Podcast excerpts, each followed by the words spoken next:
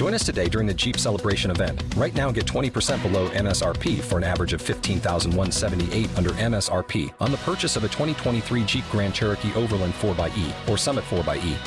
Not compatible with lease offers or with any other consumer incentive offers. 15,178 average based on 20% below average MSRP from all 2023 Grand Cherokee Overland 4xE and Summit 4xE models in dealer stock. Residency restrictions apply. Take retail delivery from dealer stock by 4 1. Jeep is a registered trademark. Welkom by Podletiek. Ek is Paul Maritz en saam met my in die ateljee is Daniel Du Plessis en Daniel Elof. En in vandag se episode, NVG het nuwe kahuna, staatsinstellings is Lipampuna en onteiening kry hardloop skoene. Nou ja, kom ons ontnonsens hierdie week se po politiek. Ja, julle kom ons skop sommer af met 'n uh, lekker onderwerp. Die nasionale vervolgingsgesag het nou na 'n lang proses uiteindelik 'n nuwe hoof gekry en die uh, het natuurlik gebeur na die grondwetlike hof bevind het dat um, Mzolise Nsana uh, sy afdanking. Die, hy was 'n voormalige vervolg uh, uh, hoof van die vervolgingsgesag en diese afdanking was onreëlmatig volgens die hof en dan dus is uh, Shaun Abrams die voormalige hoof van die vervolgingsgesag se aanstelling toe ook ongrondwettig verklaar. Um dis redelik interessant meneer Abrams, die voormalige hoof van die vervolgingsgesag, uh, is bekend vir sy betrokkeheid by staatskaping, vir die beskerming van 'n paar Zuma um aangesteldes en en aangeleenthede. Dis ook die wat uh, onbekend is aan as Shaun the Sheep natuurlik. Ja, absoluut Shaun the Sheep. En toe nou na 'n lang proses, uh, daar was eers 'n lys van 11 kandidaate wat deur die minister van Justisie en Grondwetlike Ontwikkeling, uh, Jeff Radebe, voorgestel is aan president Ramaphosa. Daai lys is toe verklein na 'n lys van 5 mense en voorgestelde voorkeurkandidaate en toe op die ou net hulle besluit op Shamila Batoyi. Nou net 'n uh, klein bietjie agtergrond voordat ons bietjie hierdie aanstelling kan bespreek. Uh Batoy is bekend vir haar werk wat sy met Hansie Cronje se uh, uh ek weet nie wat sy Afrikaanse woord is, maar match fixing in Engels. Um die match fixing skandaal hoe sy toe nou vir Hansie hulle vervolg het. Vir ookie herstel. Vir vir ookie herstel. En um dan is sy natuurlik ook die eerste vrou wat in hierdie amp gaan dien. Um nie dat ek dink dit vir politiek noodwendig dit is noodwendig inherënt belangrik is dat dit 'n vrou moet wees en dit gaan oor die mees bekwame mens wat dit vir ons moet doen. En dan um sy kom nou van die internasionale strafhof af waar sy vervolger was by daardie hof. So ek dink as mense so van buite af kyk, lyk dit na 'n heel goeie aanstelling. Uh, maar natuurlik uh, wag ons om te sien wanneer die tekkie nou die teer tref. Ja, interessante ding vir my is hoe hoe die reaksies verskil het. So Glenys Breitenberg van die DA wat uitgekom het en gesê het wel gebaseer op internasionale ervaring en 'n lang roemryke loopbaan, dink sy hierdie is 'n baie geskikte kandidaat. So dis my goed dat dat iemand se DA nie noodwendig nou gaan en sê ja, ons dink sy's goed want sy's die eerste vrou nie. Dan kry jy die Obama effek wat dit nie gaan oor die werk nie, maar wat dit gaan oor fisies die persoon. Ander interessante ding vir my is dat Julius Malema dadelik uitgekom het letterlik na die aanstelling en gesê het hierdie is die Indiese kabal wat die regering oorneem. Nou ek dink dis baie interessant vir 'n ou wat so 5 jaar terug baie pro Pravin Gordhan was en goed die laaste paar maande aansienlik nie soveel pro Pravin Gordhan is nie van die FBS bankskandaal gebeur het.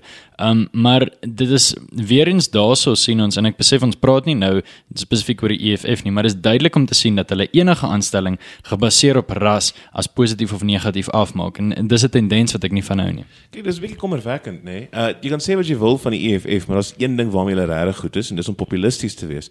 En die anatomie van 'n populiste brein is eenvoudig. Hy gaan en hy probeer om daai dinge te sê wat sy gehoor die mm. meeste by mm. aanklank vind. So as Julius Malema begin bekommer oor 'n Indiese kabal, moet ons aanvaar dink ek dat daar 'n groot deel van Suid-Afrika is wat regtig sterk aanklank vind by hierdie idee en wat soortgelyk voel. Dis baie kommerwekkend, dis amper xenofobies. Dink jy daar's 'n groot groep mense wat so voel of dink jy Malema hulle skep noodwendig vir hulle daardie gevolg? Dink jy dit soos dat deur hierdie so gereeld te sê laat hulle mense so begin voel? Kyk, ek dink daar's definitief 'n effek beide kante toe, maar die ding van populisme is wat en iemand soos Malema, jy jy deel deurlopend kontak met jou gehoor.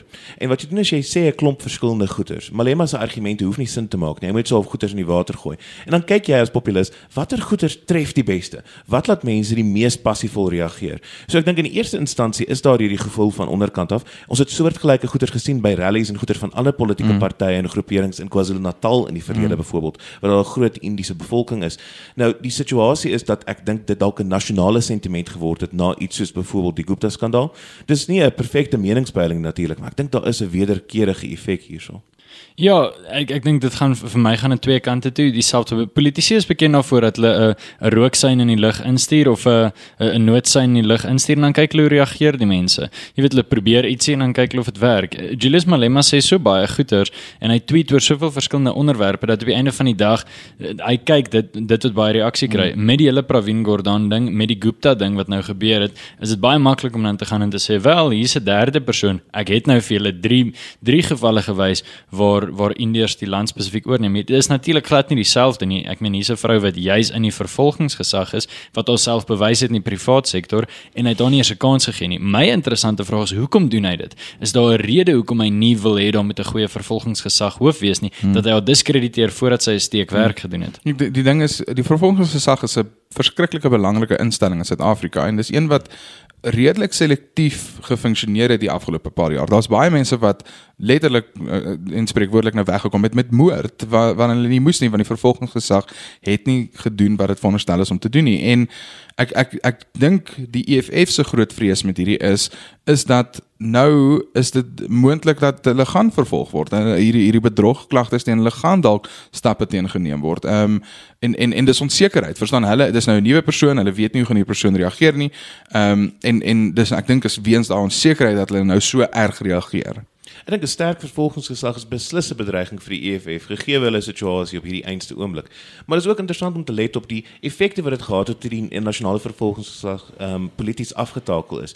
Die aanstellings van nuwe vervolgers byvoorbeeld is vir 'n paar jaar gevries gewees. Die funksionering op grondvlak van die NVG was grootliks disfunksioneel geweest, selfs in vergelyking met ander vervolgingsgesagte oor see wat nie eens bekend is altyd vir effektiewe funksionering nie. Dis uiters kommerwekkend en die mense wat uiteindelik die meeste daarbey voordeel trek, is die politici wat nou wegkom met die mm. Figuurlike moord en die misdadigers wat ook wegkom met letterlike moord. Mm. Nou toe gegee as politici in Suid-Afrika wat ook wegkom met letterlike moord in KwaZulu-Natal, maar ons kan later mm. daaroor praat. Ja, ek, ek, dit, ek net net op presies daai punt die die politieke sluipmoorde in Suid-Afrika wat net al meer toeneem is regtig aanswekkend. Dis dis genuinely 'n groot groot probleem en ek dink jy daar word eintlik genoeg aandag gevestig op hierdie feit nie. Nou julle julle dis nie net die uh, nasionale vervolgingsgesag wat noodwendig die afgelope paar jaar sukkel nie, uh, soos dit maar die goeie ou Suid-Afrikaanse tradisie van die afgelope 24 jaar is, is daar ander staatsinstellings of uh, jy weet plekke wat uh, publieke diens doen wat nie goed funksioneer nie. Ja, so ek dink as ons as ons drie nou wat elke week 'n politieke episode aan die wêreld bied, as ons nou letterlik moes gaan soek het en diep moes gaan krap het vir staatsinstellings wat sukkel, kon mense dalk gesê het, jy weet ons uh, ons probeer regtig hard met die ouens diskrediteer, maar ons doen nie eers nie. Dit ja. letterlik ons kan net terugsit en ons sosiale media oopmaak. Ons werk is maklik. Ja, ek ek wil ek wil fokus op twee vandag, nie op die S op SAL nie. Ons het al baie ligtheid aan die SAL gegee op politiek. Ah. Ek wil spesifiek spesifiek praat oor die SAIK um, en en oor Eskom. Nou spesifiek in terme van die SAIK, verlede week het ons gesê hy daar's 'n nuwe minister van kommunikasie. Haar naam is minister Stellan Dabeni Abrams. Um, en nou goed, sy glo dat afleggings nie in die regering se belang is by die SAIK nie. Nou die SAIK se raad wou nagenoeg 1000 permanente poste en 1200 vryskutposte aflê. Dis 2 2200 poste. Dis verskriklik baie geld wat hulle sou spaar. Op 1 Desember Desember skryf sy vir hulle 'n brief wat sy vir hulle sê sy dink nie dat sy en die president hiervan gaan hou nie en sy herinner hulle dat hulle 1,2 miljard rand leenfasiliteit by die nasionale tesourie het. Nou net net 'n paar vinnige feite voor ons dit bespreek. Verlede jaar het die SA SAIK of SABC 'n verlies van 622 miljoen rand verklaar. Hulle ongewone uitgawes, aan die ander wyse uitgawes wat hulle nie regte rede voor het nie, was 570 miljoen rand. Weet jy hoeveel roomhuise kan jy koop met dit? En dis geld wat hierdie ouens net letterlik weggooi. Hoekom? Want hey, jy weet niemand kan enigiets regtig aan hulle doen nie. Ek dink dis kom ons begin deur te sê dis belangrik om te let dat Stella en Dabene Abrams is ideologies en polities heeltemal binnekant die Ramaphosa kamp wat sy verteenwoordig met ander woorde is dalk nie te ver van wat die Ramaphosa Company algeheel dink en glo oor staatsinstellings nie. En wat ons daar sien is dis nie die herstel van die onafhanklikheid van hierdie inliggame nie. Dis nie dat die besigheidsfunksionering voorop staan nie. Wat hierdie is is hierdie is 'n politieke besluit geneem oor die dag-tot-dag finansiële en ander bestuur van 'n maatskappy. Dis eintlik maar waarop dit neerkom. En ek dink of die SABC mense moet aflê, uh, afleggings moet pla laat plaasvind en of hulle net dood eenvoudig moet daai leenfasiliteite gebruik, is dit uiteindelik die besluit wat daai raad behoort te neem op eie meriete. En hierdie redes wat Stella Andebeni Abrams gee is nie ekonomiese, finansiële redes nie, dis politieke redes. En dis net 'n klein mikrokosmos van wat die probleem is met al ons staatsinstellings. Die, die punt is hulle tree nie op in die belang van wat vir son die nasionale uitsaar moet doen in sy funksie nie. Dit dit gaan letterlik so wat jy nou sê dan is oor politieke uh, uh, gewin, dis oor eie persoonlike gewin en dis op die ouende om te sorg dat hulle in mag bly by die SAIK sodat hulle hulle greep oor die SAIK kan versterk. Ja, goed, so die die teleurstellende ding met hierdie vir my is dit is regtig verskriklike swak diens wat hulle lewer. Um ek ek luister regtig net na SAK kanale en en en wel radiostasies en kanale as ek regtig moet. Goed, die Mzansi liga ja, is nou net hy. op SABC3 en dit is die eerste keer sekerlik vandat ek uit matriek uit is wat ek SABC3 kyk. En die rede hoekom ek tot matriek gekyk het omdat ek DStv gehad het nie. En en Paul was omtrent maklik 60 jaar terug. Ja, ek ek, ek is die oudste. Nou ek weet ons wil baie praat oor die SAK, maar ek wil graag net ook by Eskom uitkom. Ek wil net die volgende sê. In 1993 het Eskom 'n kapasiteit van 3 van 39000 megawatt gehad. Vandag is daai kapasiteit 37000 megawatt. Hulle het in 25 jaar nie eers konstant gebly nie, hulle het agteruit gegaan. Hulle skuld is gegradeer op CCC+ nou vir die wat weet van beleggings of die wat nie weet van beleggings nie. Dit beteken dat geen maatskappy in hulle sal belê ooit. Dis omtrent 7 graderings in junk status. Hulle het in 10 jaar 7 graderings geval. Ja, so hulle is nee, hulle is in hulle kanon in wel verder as as 7. Ehm um, gelukkig kanonne gebruik nie elektroniese soos ja. meganisme nie. Jy sit net 'n lont in en gebruik 'n Presies. En Eskom is goed met ontploffings. En en ons wat ons wat regtig omgee vir Suid-Afrika, ek meen ons is drie jong mans wat besluit het ons gaan nie immigreer nie, ons gaan hier wees ten minste vir nou en regtig doen wat ons kan. Ons moet hoor dat Dawie Rood sê die ekonomie kon 10% groter gewees het of kon met 10% gegroei het in die laaste 10 jaar as dit nie vir Eskom was nie. Ek meen hoe voel dit om sulke goeders te lees? Wel, dis letterlik dis net Eskom. Ek meen daar's soveel ander probleme. En as jy gaan kyk na Eskom, ek weet hulle produseer nie meer megawatts nie, maar daar's baie watts wat hulle by my skep. Dis dis 'n dis 'n geval van hierdie is 'n staatsontstelling, is nie 'n staatsinstelling nie. Uiteindelik is die groot probleem dat hierdie het 'n knock-on effek, nie net op besigheid in Suid-Afrika maar ook ons internasionale beeld, beleggingsvertroue mm. ensovoorts. Dis net 'n verdere illustrasie. Ons kan beleggingsberade en goeder hou, maar as ons nie tekkie op die teer sit en regtig moeite doen om Suid-Afrika te verander in 'n plek waar mense voordelig kan belê nie, gaan dit niks help nie. Die die ding met Eskom vir my wat wat ek dink as as ek nou 'n blink kan aan hierdie storie kan sit is elektrisiteitsvoorsiening is een van daai dinge wat alle mense raak en baie direk raak want dis almal het nie krag nie. Die hele buurt het nie krag nie. En en toe ek verlede week in 'n inkopiesentrum rondloop en toe hier half 9 toe gaan die krag af en die inkopiesentrum kan niks meer doen nie en en daardie arme ou wat by die haarkapper sit wat letterlik afhanklik is van die geldjie wat hy van maak van verstaan haar is nie. Ek kan dit nie meer doen. Of die ou wat halfpad deur haar sny is. Ja, presies, absoluut. En en en die punt is die die silwer randjie wat ek dink hieraan is is die feit dat mense hou nie hiervan nie. Dit pla mense. Dis sleg dat daar nie elektrisiteit is nie. Dit is sleg dat hulle belasting betaal en hulle verwagte dienste hulle ontvang dit nie en hopelik kan dit dalk so swaar op mense se se verstaan gemoed rus dat ons besef 'n staatsinstelling wat krag voorsien is nie 'n goeie idee nie. Dat kom ons gaan eerder en probeer self krag opwek. Kom ons kry 'n privaat maatskappy wat dit doen. En ek dink dat as al genoeg druk op die einde kom, behoort dit selfs die Suid-Afrikaanse bevolking te draai. Johan Rupert het onlangs so 'n dag of twee terug het hy by by 'n Power FM funksie gesê die probleem met sosialisme is dit hang af van mense wat hierdie goed moet uitvoer. Die die voordeel van kapitalisme is as iemand misluk, kan 'n ander stelsel kom en dit vervang. Ek wil net graag hierdie hierdie punt afsluit deur die volgende te sê. Ons kla en kerm oor die Suid-Afrikaanse lugdiens wat 27 miljard rand skuld het. Goed, nou as jy nie sit nie, sit gehou, as jou kar vinnig ry, ry gou bietjie stadiger want ek wil gou die volgende sê. Die skuld wat Eskom het is 419 miljard miljard rand. Dit is 419 met 9 nulle aan. Dit is die skuld wat hierdie ouens het. Wat hulle moet doen is hulle moet krag voorsien. Hulle het geen kompetisie nie en almal het krag nodig. Dit is dit is verskriklik en eerlikwaar, dis onomkeerbaar. Dit skok skokkend dat dit tot hierdie punt gekom het eintlik. Dit is skokkend dat dit toegelaat is om hier te wees. Ja, en as asof dit nie sleg genoeg is nie, kom ons praat 'n bietjie oor grondonteeneming. Jy weet dit is wonderlik. Uh grond is maar min of meer die enigste ding wat dit moeilik is om, wel dis onmoontlik om grond verkeer te kry. Behalwe miskien as jy die regering is. En so dis 'n fantastiese idee. Kom ons sit dit alles binnekant hulle beheer. Ehm um, so nou wat onlangs gebeur het uh op wat was hierdie nou 5 Desember of nee, die 4 Desember het het die het die konstitusionele hersieningskomitee se verslag is aanvaar deur die nasionale vergadering. Nou net vir as jy nie by was nie, hierdie verslag is gelewer na insette van die openbaar gekry is en toe net algeheel geïgnoreer is. Ek probeer om 'n bietjie die sin van rede en rustigheid te wees, maar daar's geen ander manier om hierdie te stel nie.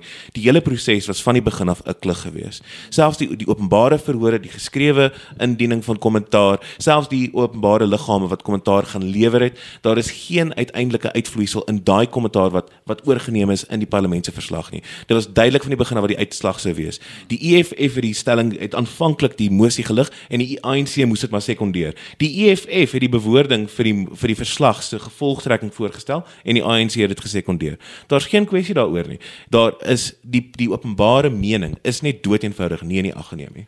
Dr Corneil Mulder van die Vryheidsfront Plus het het 'n uh, dag of twee terug toe hierdie bespreek het, het hy in die parlement vir vir Vincent Smith gesê 77% van die geskrewe um ingawes was teen hierdie. Vincent Smith se antwoord was ja, ons weet dat 77% van 700 000 teen hierdie was, maar wat van toe ons in die provinsies was? Toe was ten minste 99% pro ons. Nou ek meen almal van ons het op die nuus gesien, daar is nie 'n manier wat 99% van die mense wat gepraat het by hierdie verhore pro grondhervorming sonder grondonteiening sonder vergoeding was nie. Maar dit is net absoluut hulle gaan hierdie narratief draai. Ons sit met 'n met 'n 'n een staat oplossing wat nou um weghardloop met hierdie ding tussen sy tande en ek wil net een vraag vra Rolf Meyer as jy gelukkig. Dankie. Die, ek wil net vir vir ons Ek wil net vir ons uh, indien oom Roef luister. Ehm um, ons waardeer jou tyd dat jy na Politiek luister. Nee, maar um, ek wil net vir vir jou as luisteraar Los asseblief 'n kommentaar in die resensie. 'n resensie op iTunes. maar ehm um, vir ons luisteraars, laat laat julle net ook verstaan. Ek ek het hierdie week met iemand gepraat, 'n goeie vriend van my en toe vra hy, maar wat is nou werklik verstaan so sleg aan grondonteeneming? En en ek kan dit verstaan, maar maar ek wil net die die agtergrond skets. Hoekom is privaat eiendomsreg so ongelooflik belangrik? Wat privaat eiendomsreg en en versekerde eiendomsreg vir mens bied, is dit gee vir jou sekerheid. Dit gee vir jou die wete dat hierdie stukkie grond wat ek besit is myne en niemand kan dit by my vat nie. En indien iemand probeer by my vat, dan gaan die staat intree om my reg tot privaat eiendom te beskerm. En wanneer grond net kan onteien word sonder vergoeding deur die regering, dan sê ons op die ou ende dat die regering kan self besluit wanneer iemand iets mag besit of mag hê in hulle in hulle besit of nie. En die punt is as dit nou grond is, dis vir nou grond. En en en wat mense vergeet is dat die die grondwet artikel 25 sê dit beskerm eiendom. Dit sê nie dit beskerm grond nie. Dit sê dit beskerm alle eiendom. So indien dit gewysig word, beteken dit die regering kan kom en sê, hoorie, hierdie skootrekenaar van jou. Jy het 'n skootrekenaar, maar jy het ook byvoorbeeld 'n tablet. Jy kort nie albei nie. Ons gaan die tablet vat en ons gaan dit konfiskeer sonder vergoeding want jy het te veel, jy hoef nie dit noodwendig te hê nie. En van daar af gaan hulle dalk verder sê nee, maar niemand hoef tablets te hê nie. Niemand hoef enige laptops te hê nie. En dis die gevaar wat hierdie wysiging inhou. Ons sien dit, ons het dit al gesien in die geskiedenis geskiedenis en ons weet waarheen hierdie gaan lei. Kom ons gee 'n praktiese voorbeeld van wat dit jou letterlik gaan affekteer onmiddellik sodra dit plaasvind hierdie wysiging. Is uiteindelik die waarde van eiendom is wat mense bereid is om daarvoor te be betaal. En jy gaan betaal afhanklik van hoe seker hierdie belegging is. Hmm as die grondwet gewysig word om onteiening sonder vergoeding toe te laat, selfs al word jou ding nooit veronteien nie, word hy outomaties minder werd. Mm. En hoeveel minder hy werd word, wel dis moeilik om te bepaal. As die internasionale gemeenskap heeltemal vertroue in Suid-Afrika verloor, gaan daai waarde plummet. Mm. Toe Thomas Jefferson en uh, George Washington begin het met die gedagte wat ons vandag het as die Verenigde State van Amerika, het hulle gesê 'n mens behoort bewapen te wees vir indien dit nodig sou wees dat jy jouself moet beskerm bovenal teen jou regering. En um, ons sien hierso dat ons eie regering besig is om bietjie vir bietjie vir bietjie die mag onder hulle self te sentreer en ek nooi enigiemand uit gaan tik net op YouTube en Hugo Chavez. Gaan kyk net wat het hy gedoen tussen 2001 en 2013 en kyk of enige van dit vir jou bekend lyk. Indien wel, kom terug na ons toe. Ons gaan verder hieroor praat in in 2019 oor politiek. Ek beloof. Uiteindelik is daar 'n punt waar ons nou ons moet dringend omdraai. Dinge word net erger en erger wat hierdie spesifieke beginsel betref en daar's 'n sterk kultuur nodig om regte te kan beskerm. As jy nou 'n sterk grondwetlike bepaling oor eiendomsreg wil sien, gaan kyk na die vorige een van Venezuela. Mm, ja.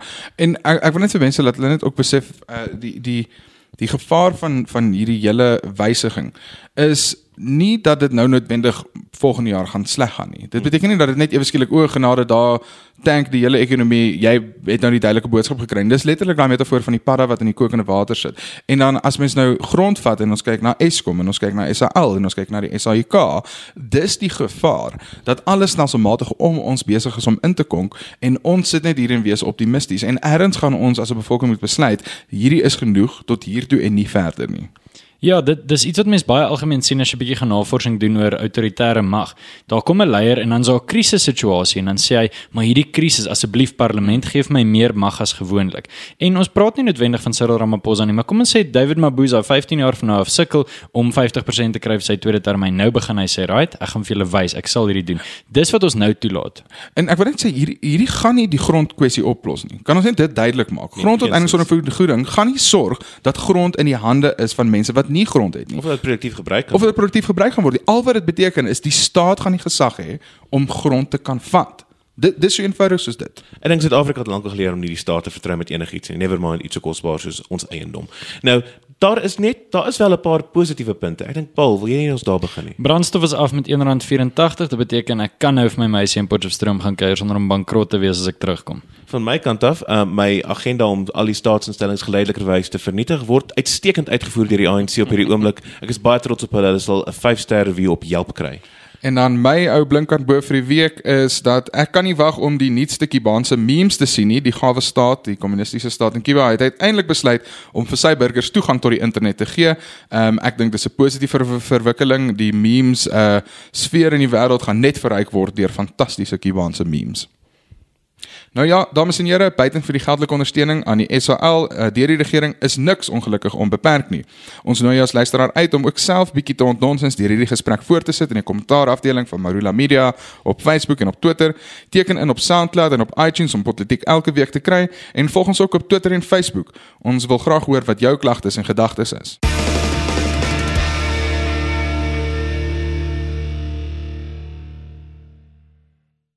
With the Lucky Land slots, you can get lucky just about anywhere.